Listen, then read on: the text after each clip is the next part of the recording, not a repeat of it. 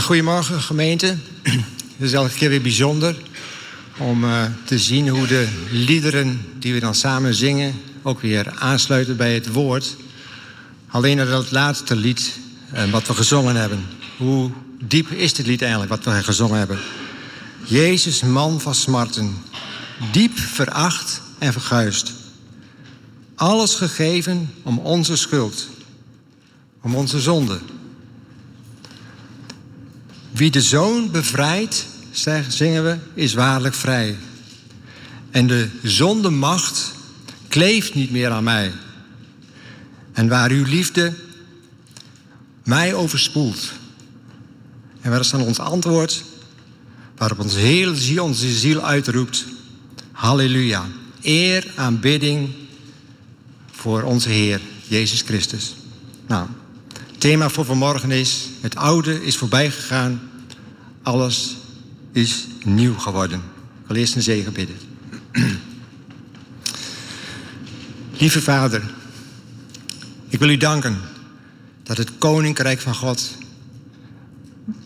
doorgebroken is. Dat u op het kruis, daar waar u stierf, dat de machten van de dood zijn ontwapend.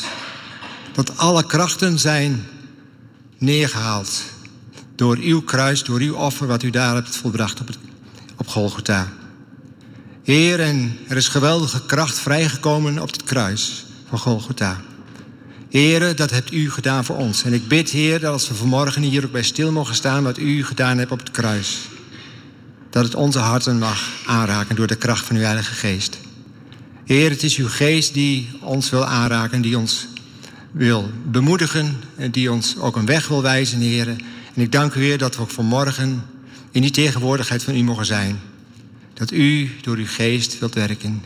Niet om de woorden die ik daarin spreek, maar dat u uw woorden wil spreken door mij heen. Opdat het tot leven mag zijn voor ons allemaal in Jezus' naam. Amen. Nou, zo gezegd, uh, het thema is het oude is voorbij gegaan, alles is nieuw geworden. Um, die tekst staat in 2 Korintiërs uh, 5, vers 17. Bijzonder dat er dan staat, alles is nieuw geworden, zegt de tekst. Nou, alles is nieuw geworden. Jezus is gestorven aan het kruis. En het hele rijk van de dood is daarin ontwapend en overwonnen. En op de dag dat wij Jezus in ons leven mochten aannemen als redder en verlosser, staat dan staat er wat er gebeurd is in, in, in Colossensen 1, vers 13. Daar staat: We zijn getrokken uit het rijk van de duisternis en we zijn overgebracht in het koninkrijk van Gods liefde. Hoe groot is dit? Getrokken uit de duisternis, uit de duisternis en overgebracht in het koninkrijk van Gods liefde. We zijn niet meer van deze wereld, maar we zijn van boven. Onze identiteit is in Christus Jezus. Christus zelf wil ons in alles voorzien wat we nodig zijn voor elke dag. En hij heeft ons geplaatst ver boven alle krachten en machten. Vorige week sprak hier Jan Meijering. En het thema was een beetje twee dingen. De kracht van ontmoediging, maar ook de kracht van hoop. En wat doet de kracht van ontmoediging? De kracht van ontmoediging is een kracht die ons naar beneden wil trekken. Maar de kracht van hoop is een kracht waarin we onze positie mogen bevestigen in Jezus. Dat Hij onze Heer is en dat Hij ons bekrachtigt en dat Hij ons versterkt. Maar de vraag is dan, wie is dan die kracht? En waar komt die vandaan? Dat die ons steeds weer wil ontmoedigen. Wie is die kracht die ons steeds weer naar beneden wil trekken? Uit onze positie die we in Christus Jezus hebben. Uit de tegenwoordigheid van Christus. Moet ik denken aan, toen ik dit aan het voorbereiden was, aan een preek die Rudy Wassers heeft, heeft, heeft, eens heeft gehouden. Ik dacht zo'n half jaar geleden. En daar sprak hij over dat er elke dag, nou volgens mij noemde hij zelfs dat wel duizend stemmen van buiten ons, onze gedachtenwereld kunnen binnenkomen. Gedachten, waar komen ze vandaan? Wat zijn het voor gedachten? Zijn het gedachten die ons bemoedigen? Of zijn het gedachten van hoop? kan natuurlijk van alles zijn. Maar ik kan me herinneren dat hij zei van... ik maak me wel eens zorgen dat wij zoveel gedachten die niet van God zijn... dat we daar geen weerstand aan bieden. Onze identiteit is in Christus Jezus. En dat was wel mooi. Afgelopen woensdagavond hadden we een gebedsavond hier in de oase. En dan lazen we een tekst uit uh, Psalm 46 en daar staat... God is een grote hulp in benauwdheden. Nou, die tekst kwam natuurlijk ook een beetje naar boven drijven... Uh, nou, om, om, wat er al gedeeld is in de situatie die uh, speelt in, uh, in Israël... en in, in de Gazastrook. Maar hier staat, God is een grote hulp in benauwdheden. En ja, hoe kun je er nog... Dan moet je zeggen van, is daar nog hulp? Is daar nog die grote kracht van God om ons daarbij te staan in die benauwdheid? Want daar is toch benauwdheid, kun je zeggen. Want de mensen weten niet waar ze moeten blijven. Maar toch geloof ik, als wij opstaan en onze handen opheffen tot God en tot hem roepen, dat hij een hulp wil zijn in benauwdheid. Dat zegt het woord. En dan zal niet de oorlog misschien overbreiden en de omstandigheden zullen niet direct anders zijn. Maar ik geloof wel dat het een plek is dat we kunnen schuilen bij God. Een plek waar we vrede kunnen vinden en we rust kunnen vinden. En ik denk dat dat ook een groot geheimenis is. En dat ook een genade, kracht van God is. Maar goed, in benauwdheid we kunnen het ver weg zoeken, maar we kunnen het ook gewoon heel dichtbij zoeken.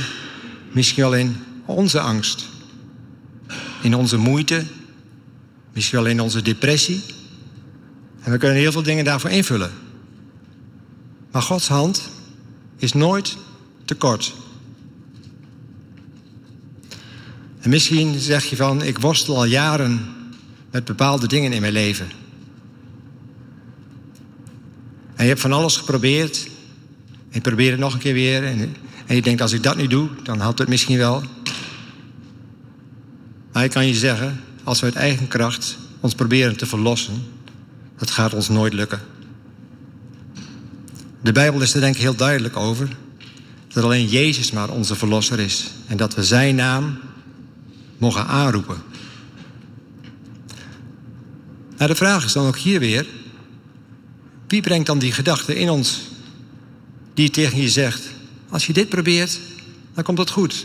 Of als ik dat probeert, dan komt het ook wel goed.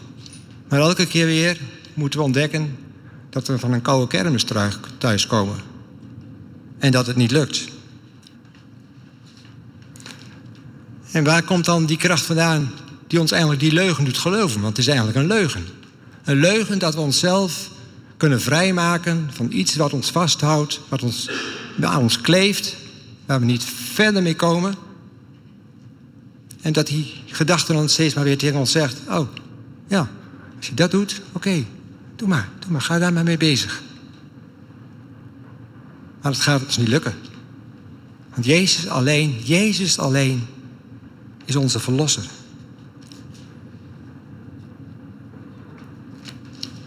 In Johannes 10, vers 10, daar staat, zegt Jezus zelf: Ik ben gekomen opdat zij leven hebben in overvloed. Zoals we hier zijn. Wil Jezus ons geven leven in overvloed. Nou, de vorige keer dat ik hier gesproken heb, heb ik iets gedeeld over dat de Heer me erbij bepaalde dat ik zou gaan spreken. Nou, toen heb ik ook iets gezegd over het moment dat die gedachte in me kwam, dat dezelfde seconde was er ook een gedachte in mij van grote angst kwam binnen. En ik ga dit nu niet weer verder uh, uitleggen hoe het gegaan is de vorige keer. Maar ik heb hierin wel iets geleerd van dit, van dit moment. Want wat is er aan de hand op het moment dat de Heer in zijn liefde tegen je zegt: Ik wil dat je gaat spreken? Wat is het dan bijzonder dat daar op hetzelfde moment een, een, een angst bij je binnenkomt nou, die je eigenlijk zegt van, jongen, dat moet je echt niet doen. Want uh, kruip maar lekker in je schulp en blijf maar lekker in je schuiluit zitten, want dat is, veel, dat is veel beter. Maar ik heb iets daarin geleerd, hoe, als we dan ons afvragen van wie is die kracht die, dat, die ons steeds wil ontmoedigen. Er is letterlijk de kracht die uit de duisternis komt. De kracht die van beneden komt. De kracht die ons wil ontmoedigen. Er is ook de kracht die strijdt tegen het koninkrijk van God. Want wat is het doel?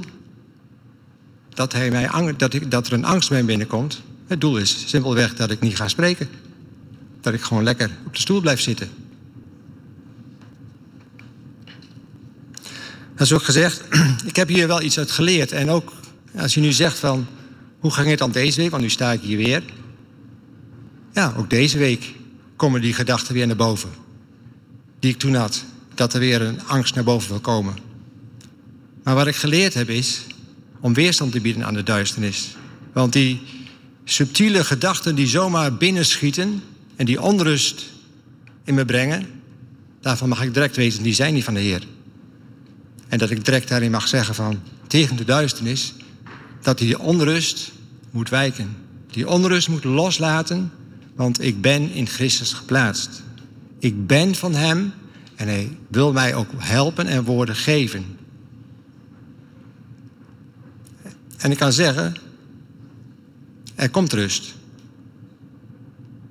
Een paar dagen later zie je weer, voel je weer die onrust opkomen. Maar dat maakt niet uit. Ik mag leren om gewoon hetzelfde principe weer te gebruiken. Opdat er weer rust mag komen. Bied weerstand aan de duivel, zegt Jacobus. En hij zal moeten wijken.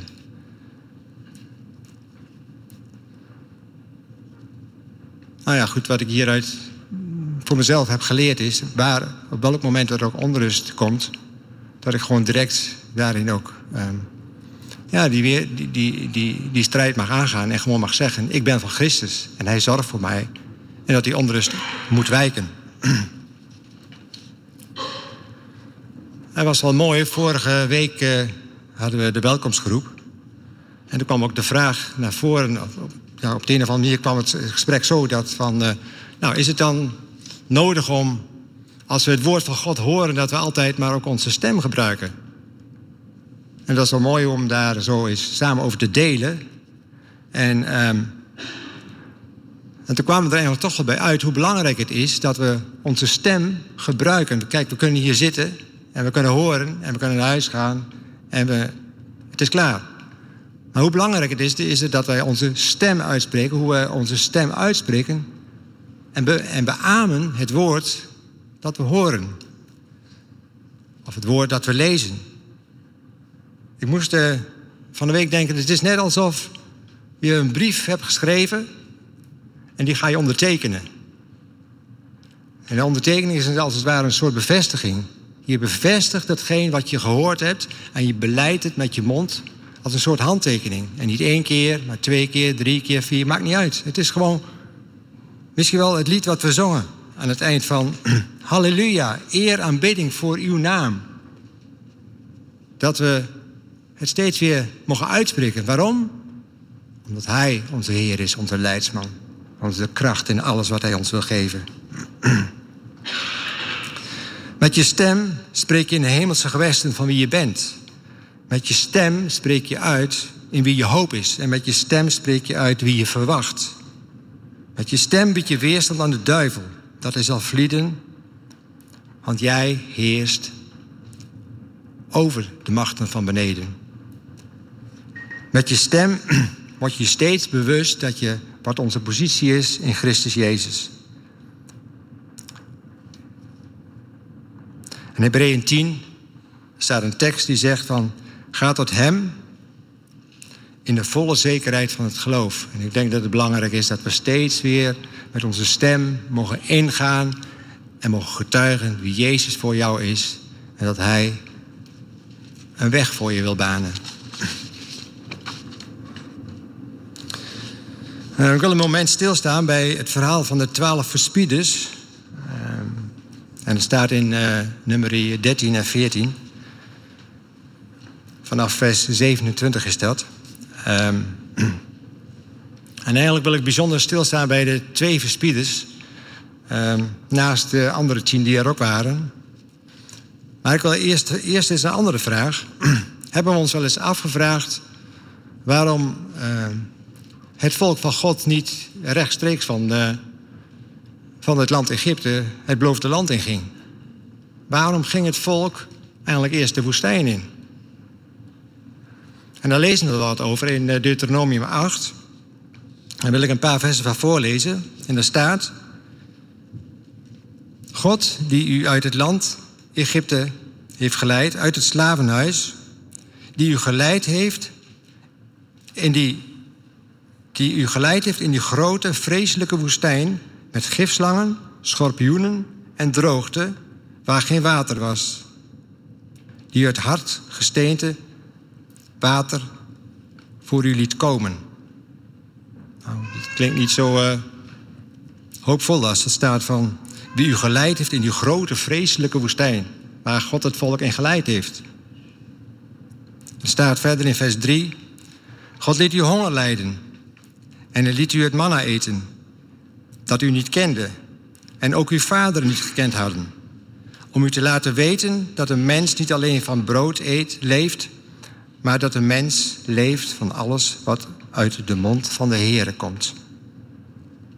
Wat God hier eigenlijk zegt is tegen het volk: vertrouw op mijn woord. Mijn woord is de waarheid. En doe en volg op wat ik, wat je aan, wat ik je voor aanwijzingen geef. God wilde, zo staat het er letterlijk in, uh, in uh, Deuteronomium 8. Het volk zou, dat het volk zou verootmoedigen, staat er.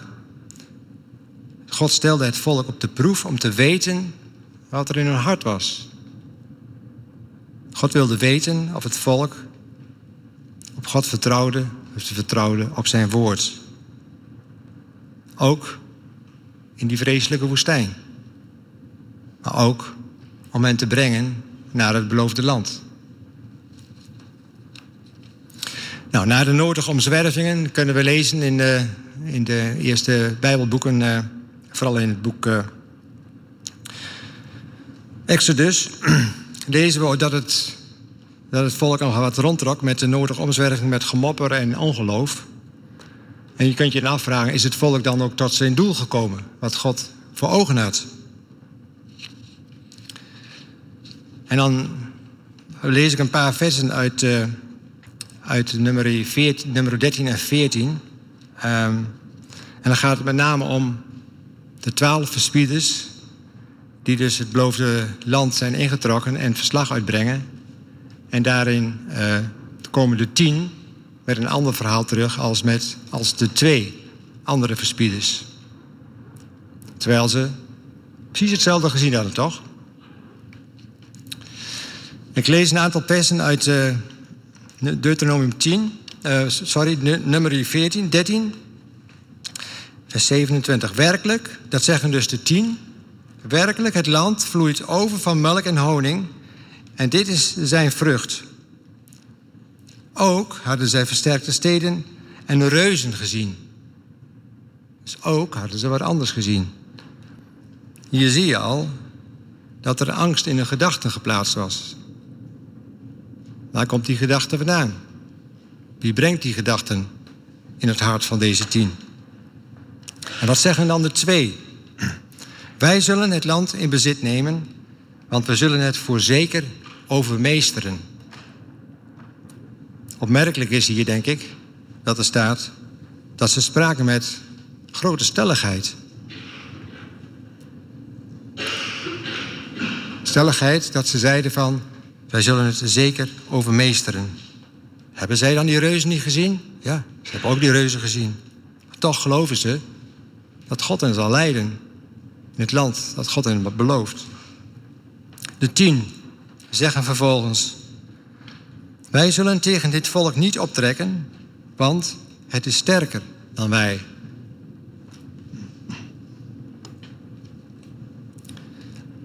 Angst sloeg ondertussen verder toe. Nu er twee waren die anders wilden, die door wilden gaan het beloofde land in.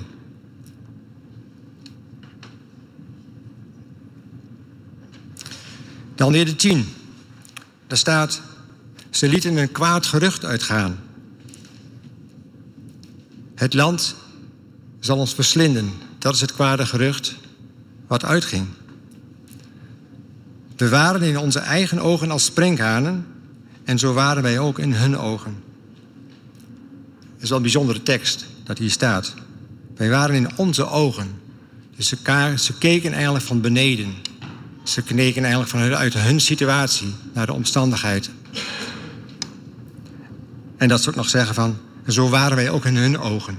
He, zo nou, de, de, de, vijand heeft al lang gezien dat we die, uh, de, dat stelletje wel, uh, wel, zullen, wel snel zullen, uh, zullen overwinnen.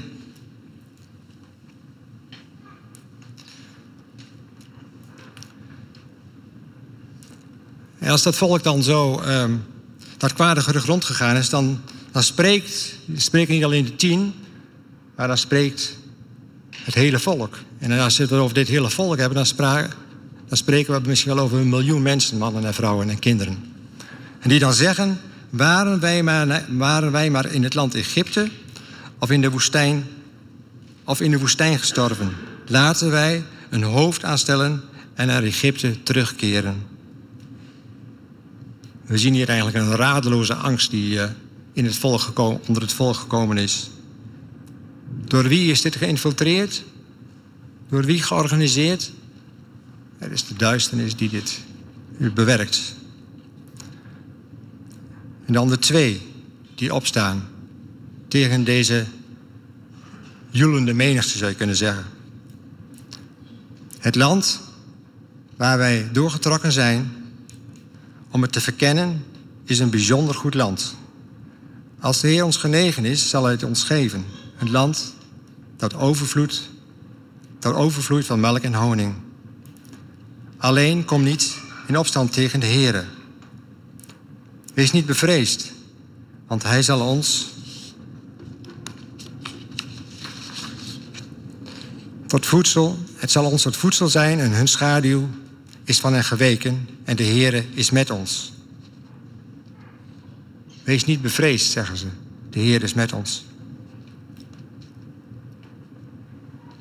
En dan tot slot de tien en het hele volk zegt... stenig hen, stenig de leiders. Stenig Jozua, stenig Aaron. En hoe diep en hoe diep gaat dit? Dat zelfs het hele volk hun leiders wil doden.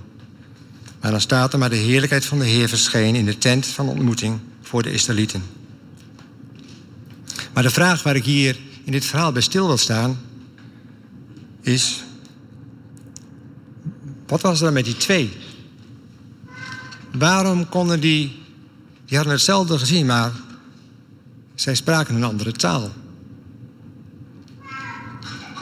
Ik geloof dat deze tien, of deze twee, sorry, geloof in hun hart hadden ontvangen. En de vraag is, waar komt geloof vandaan? Ik denk dat een antwoord staat in, uh, in, in, uh, Romeinen, in Romeinen 4, staat een mooi verhaal over Abraham. Abraham, God had aan Abraham en Sarah een kind beloofd. En ze waren allebei onvruchtbaar. En dan lezen we in Romeinen 4 dat God, dat Abraham, sorry, dat Abraham God ging loven en prijzen. Om de belofte dat zij een kind zouden krijgen. En dan staat er, en God versterkte het geloof van Abraham. Abraham gebruikte zijn stem om ondanks alles te juichen, om God te prijzen dat zij nog een kind zouden krijgen. Dwars tegen de omstandigheden in. En wat we zien daar is dat geloof in het hart van, ja, van dat geloof in het hart van Abraham wordt opgewekt. En ik geloof ook dat het zo is bij Jozua en Caleb. Van Jozua staat geschreven dat hij niet, niet week uit de tent van de samenkomst. Dus hij was voortdurend in de tegenwoordigheid van de Heer. En ik geloof dat hij daar God gedankt heeft. Ook in die verschrikkelijke woestijn, om God te danken dat Hij zou voorzien. Maar ook om het beloofde land dat voor hen lag. En dat daarin geloof in het hart van Jozua is neergedaald. En dat ze daarom konden zeggen met stelligheid: De Heer zal ons dit land geven.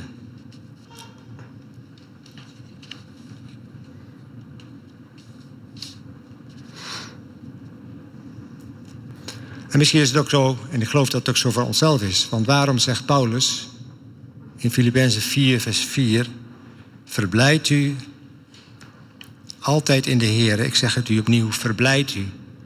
Want hoe kunnen we ons verblijden? Elke keer weer. Ook als het moeilijk is. Als, we, als wij angsten kennen. Of als wij pijn hebben of verdriet. Hoe kunnen we God prijzen? In het geloof. In het geloof dat Hij ons uitredding wil geven. In het geloof dat Hij ons wil bekrachtigen en wil versterken. En het geloof is altijd de dingen die we nog niet kunnen zien. En daarin worden we, geloof ik, aangemoedigd. Net als die twee. Om God te prijzen voor datgene wat we nog niet zien.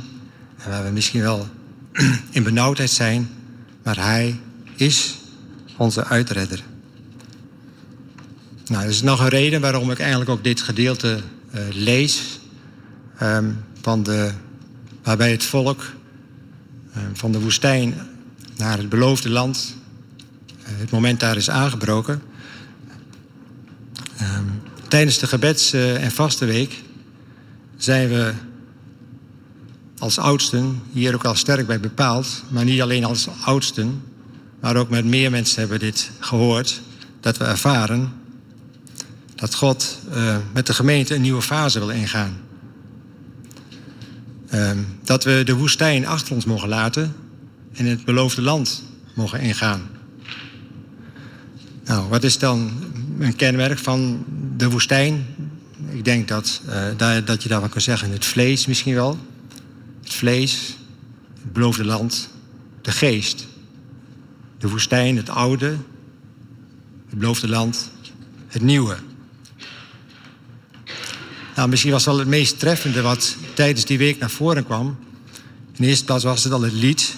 Hier giet een stroom van levend water over ons uit. En dat er een, een avond later iemand kwam met een dros druiven. Wat ons direct deed denken aan het beloofde land, wat ze dus mee terugnamen. En die bros druiven die werd midden op de tafel gezet op een van de avonden. Samen met een fles druivensap wat eruit gepest was.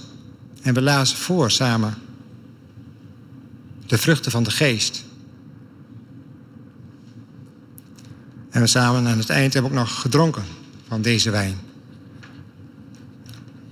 Er zijn nogal meer dingen naar voren gekomen die, waarvan wij ervoeren.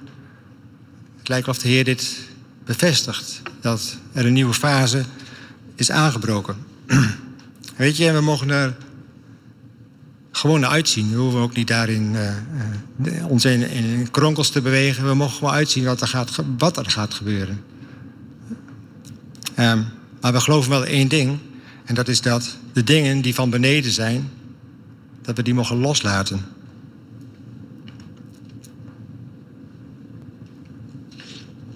En eigenlijk hebben we ook tegen de Heer gezegd als oudsten...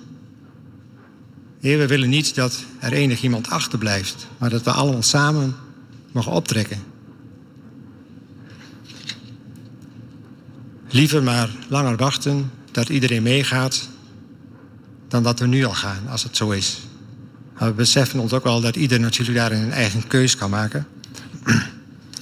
Het was wel... Toen ik vanmorgen hierheen fietste, toen uh, ging mijn... Uh, piepje nog van de telefoon met een spraakbericht. En daarin uh, ja, was iemand die was uh, op, de, op de kampvuuravond geweest. En die vertelde, nou, ik had hem even zo aan mijn, oor. Ik heb niet alles gehoord nog, maar uh, ik vond het wel mooi wat hij, dat hij daarin vertelde. Het vuurtje werd heter gestookt en het werd heter gestookt. En er werd nog eens weer wat op gegooid en nog eens wat.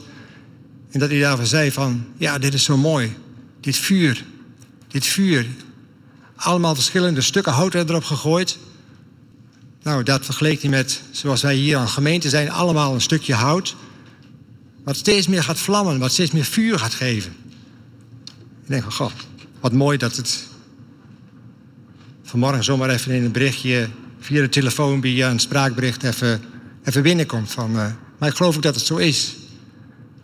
Dat het vuur van de Heilige Geest, wat in ieder van ons is, dat het wil gaan opvlammen. Dat het ruimte gaat krijgen, dat het in beweging gaat komen. Dat het los gaat komen van misschien van de dingen die misschien nog, nou nog aan ons kleven. Dat het de vrijheid komt.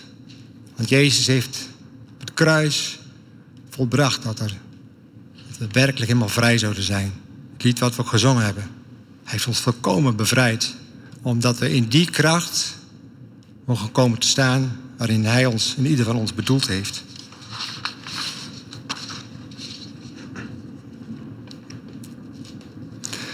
Soms weten we misschien zelf niet waarin we misschien wel vanuit het oude leven nog vast zijn komen te zitten. Maar ik geloof dat de Heilige Geest ons dat wil openbaren. Ik vond het wel mooi wat Gerrit During een paar weken geleden zei. De Heilige Geest spreekt soms achter die muur van ons. Weet je, we hebben zelf zoveel uh, wat we kunnen overzien, wat we kunnen bedenken. Maar achter die muur is iets wat we nog niet hadden bedacht. En dat de Heilige Geest daar spreekt. En ons misschien wel dingen laat zien die ons misschien vasthouden. Die ons verkleefd hebben met, met het oude nog, waar we nog niet vrij van zijn. Nou, het kan er gewoon zijn dat het angst is, of pijn, verdriet, verslaving, zorg, worsteling. Het maakt niet uit wat het is. Maar je zult het zelf weten in je eigen hart als de Heilige Geest spreekt. Maar misschien is het wel vergeving. Misschien moet je wel vergeving geven, vragen. Voor iets. Ik geloof dat daar waar we vergeving vragen, waar dingen niet vergeven zijn, dat we in de vrijheid komen. Dat we loskomen van iets wat ons bindt omdat het niet vergeven is. Dat er een kracht vrijkomt, waar we opnieuw dat vuur aangewakkerd gaat worden. En we op zullen staan in kracht van Jezus. Maar misschien zijn er ook wel dingen geweest hier in de gemeente waarin dingen tegen elkaar gezegd zijn die niet goed zijn. Weet je, wij worden er zelf ook bij bepaald als oudsten dat er dingen geweest zijn die uitgesproken zijn die niet goed zijn. En dat we ook naar die mensen toe mogen gaan en zeggen van het zal toen geweest zijn met de beste bedoelingen dat deze dingen gezegd zijn. Maar wij ervaren dat het niet goed is geweest en we vragen jullie daar vergeving voor. Dus ook van onze kant kan het zijn dat wij vergeving moeten bieden. Maar dan moeten we het ook horen en kom ook gewoon met het verhaal om het om te delen met ons. Want vergeving maakt ruimte. Vergeving maakt vrij. En vergeving, geloof ik, doet ons opstaan.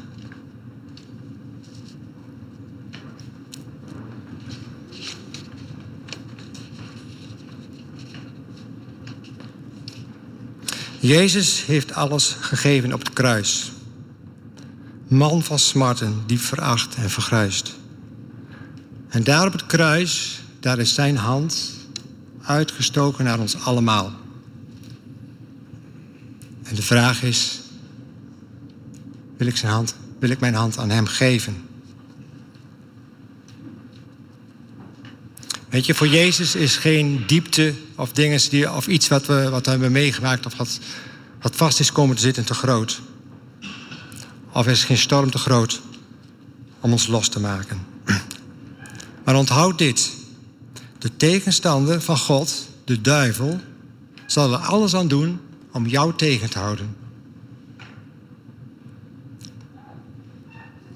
En misschien ervaar je wel strijd in je hart, in je binnenste om op te staan. Dan kan ik je nu al zeggen, dit is niet van de Heer.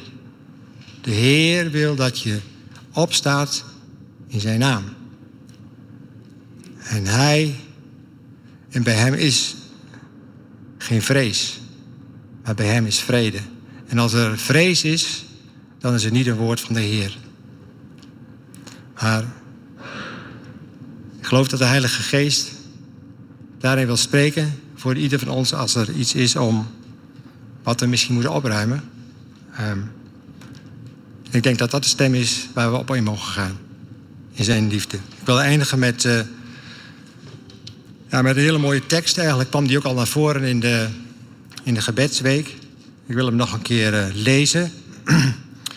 het is het, uh, de tekst uit uh, Hooglied 2, waarin de Heer met een, ik zie het als een ongelooflijk grote liefde, ehm, woorden tot ons spreekt. Er staat in Hooglied 2 vanaf vers 10 tot 14 lees ik. Mijn liefste. En liefste staat met een hoofdletter. Dus dat is God.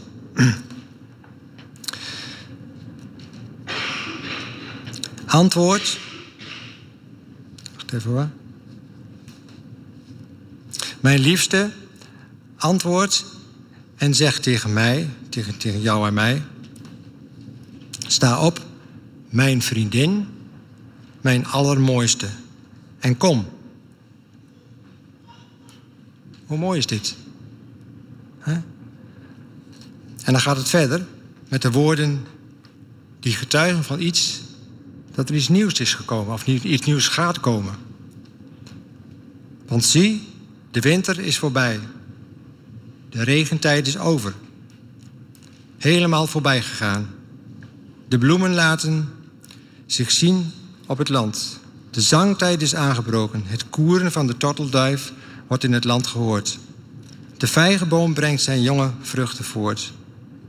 En de bloeiende, woestijn, en de bloeiende woestijnstokken geuren. Mooi te zien hoe het nieuwe ontluikt. Hoe het nieuwe zich aandient. En dan opnieuw spreekt de Heer heel persoonlijk. Sta op, mijn vriendin. En kom, mijn allermooiste, mijn duif, in de kloven van de rots, in de schuilplaats van de bergwand. Laat mij uw gedaante zien. Laat mij uw stem horen. Want uw stem is zoet en uw gedaante is bekoorlijk. Hoe liefdevol kijkt God naar jou en naar mij. Mijn vriendin, mijn allermooiste, mijn duif. Uw gedaante is bekoorlijk. Zijn er nog mooiere woorden om uit te spreken? Hoe God naar ons kijkt? Maar ook dan is er de uitnodiging. Dat God zegt, sta dan op. Kom uit die kloof. Kom uit de rots. Uit de schuilplaats van de bergwand. Laat me je gedaante zien. En laat me je stem horen. Twee dingen die de Heer hier van ons vraagt. Kom tevoorschijn en laat me je stem horen. Ik wil afsluiten met gebed.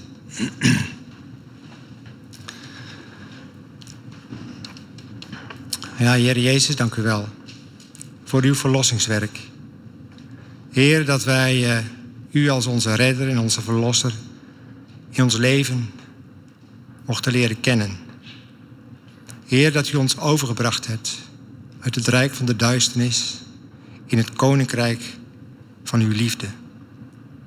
Dank u, Heer, dat onze identiteit in u is, dat we van boven zijn.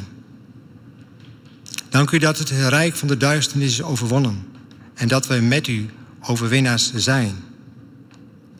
Heer, dat we weerstand mogen bieden aan elke kracht die tegen uw koninkrijk strijdt. Dank u, Heer, dat u een verlosser bent Heer, voor alles wat aan ons is gaan kleven misschien wel. Heer, wat ons vasthoudt. Waarin we misschien niet verder komen of verder zijn gekomen. Heer, misschien door onze worstelingen daarin we zelf geprobeerd hebben om een weg hieruit te vinden.